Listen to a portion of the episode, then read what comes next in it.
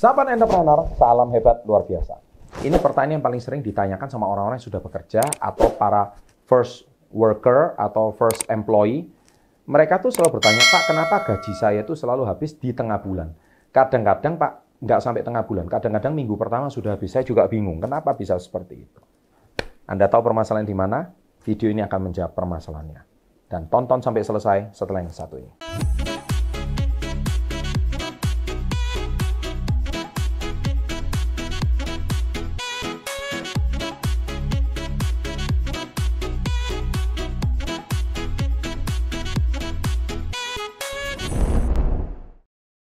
Nah, ini permasalahannya. Ada tiga setelah kita research.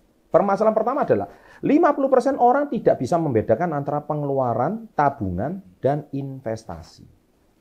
Karena uangnya sudah nyampur jadi satu. Mana itu pengeluaran, mana itu tabungan, mana itu investasi. Semuanya bingung.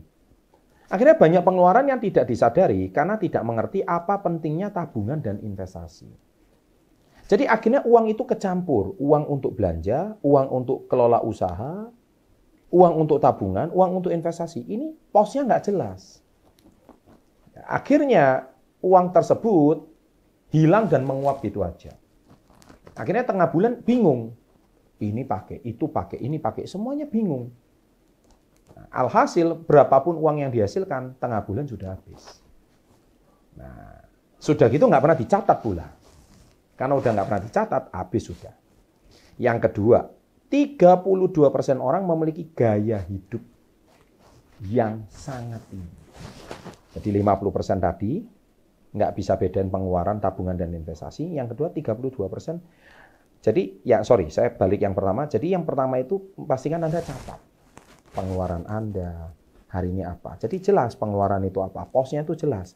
Ya, kalau enggak saya sarankan pakai buku kas saja lah. Buku kas itu jelas kok. Mana itu pengeluaran, mana itu untuk investasi, ya kan? Mana itu untuk tabungan. Jadi pos-posnya itu jelas. Yang kedua adalah 32% orang memiliki gaya hidup yang sangat tinggi. Nah, ini juga satu problem. Ya. Kenapa? Khususnya untuk orang-orang kota yang mengikuti tren memiliki gaya hidup. Semua uh, baju high ikut high Ya, semua uh, shopping barang-barang baru semua ikut dengan shopping. Jadi ngikuti tren 32% orang di perkotaan dan akhirnya pengeluaran pun lebih dominan dibandingkan dengan tabungan yang dimiliki.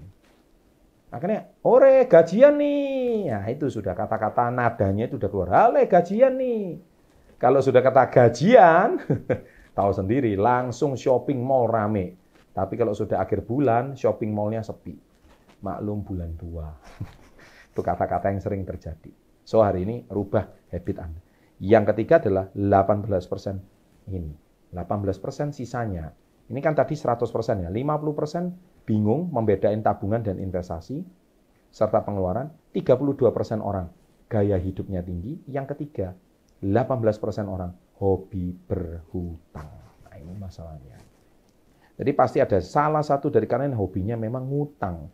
Beli apa-apa ngutang beli apa-apa ngutang, ngebon, kasbon. Sehingga duit gaji sudah terbiasa untuk bayar hutang yang sebelumnya sudah nunggak. Jadi nggak pernah ceritanya hutang itu habis. Ya, sehingga Anda menjadi sangat konsumtif. Loh Pak, hutang itu boleh nggak sih Pak? Saya sudah pernah buat kontennya. Hutang itu ada dua, hutang baik dan hutang buruk. Kalau hutang baik itu memang untuk bekerja. Hutang baik itu memang untuk modal usaha. Kalau hutang buruk, ya itu untuk konsumtif. Anda beli ini, beli itu, yang tidak ada nilai investasinya. Jadi kalau Anda kebanyakan hutang yang saya maksud di sini adalah hutang konsumtif. Kalau hutang konsumtif, ya pengen dilihat supaya pengen dicap keren sama tetangga, nanti pokoknya ya Anda tahu sendiri lah ya budaya di Indonesia ini pasti ada makan-makan, ya kan pasti ada eh, segala sesuatunya itu supaya menyenangkan tetangga, supaya dipandang tetangga itu keren, ya Anda tahu sendiri lah, ya kan? Jadi oleh sebab itu saya selalu bilang bahwa hidupmu itu cicilan punyamu sendiri. Karena tetanggamu nggak ikut nyicil gitu loh. Itu problemnya. Nah, oleh sebab itu saya selalu tekankan mulai dari sekarang sebelumnya budaya berhutang ini khususnya hutang konsumtif. Hutang ini kan tidak diperjelas di sini. Hutang konsumtif ya, bukan hutang produktif. Kalau hutang produktif itu nggak masalah. hutang konsumtif itu yang harus dikurangi. Sebaiknya harus dikurangi. Beli HP, belum rusak, udah nyicil yang baru. Lo ngapain? Motor masih bagus, nyicil yang baru. Lo ngapain? Nggak punya nilai investasinya. Oke? Nah, selamat menerapkan tips ini. Semoga Anda semakin cerdas dan semoga sampai akhir bulan gaji Anda tetap masih ada. Bahkan masih ada sisa. Bukan tengah bulan sudah habis. Sukses selalu, salam hebat luar biasa.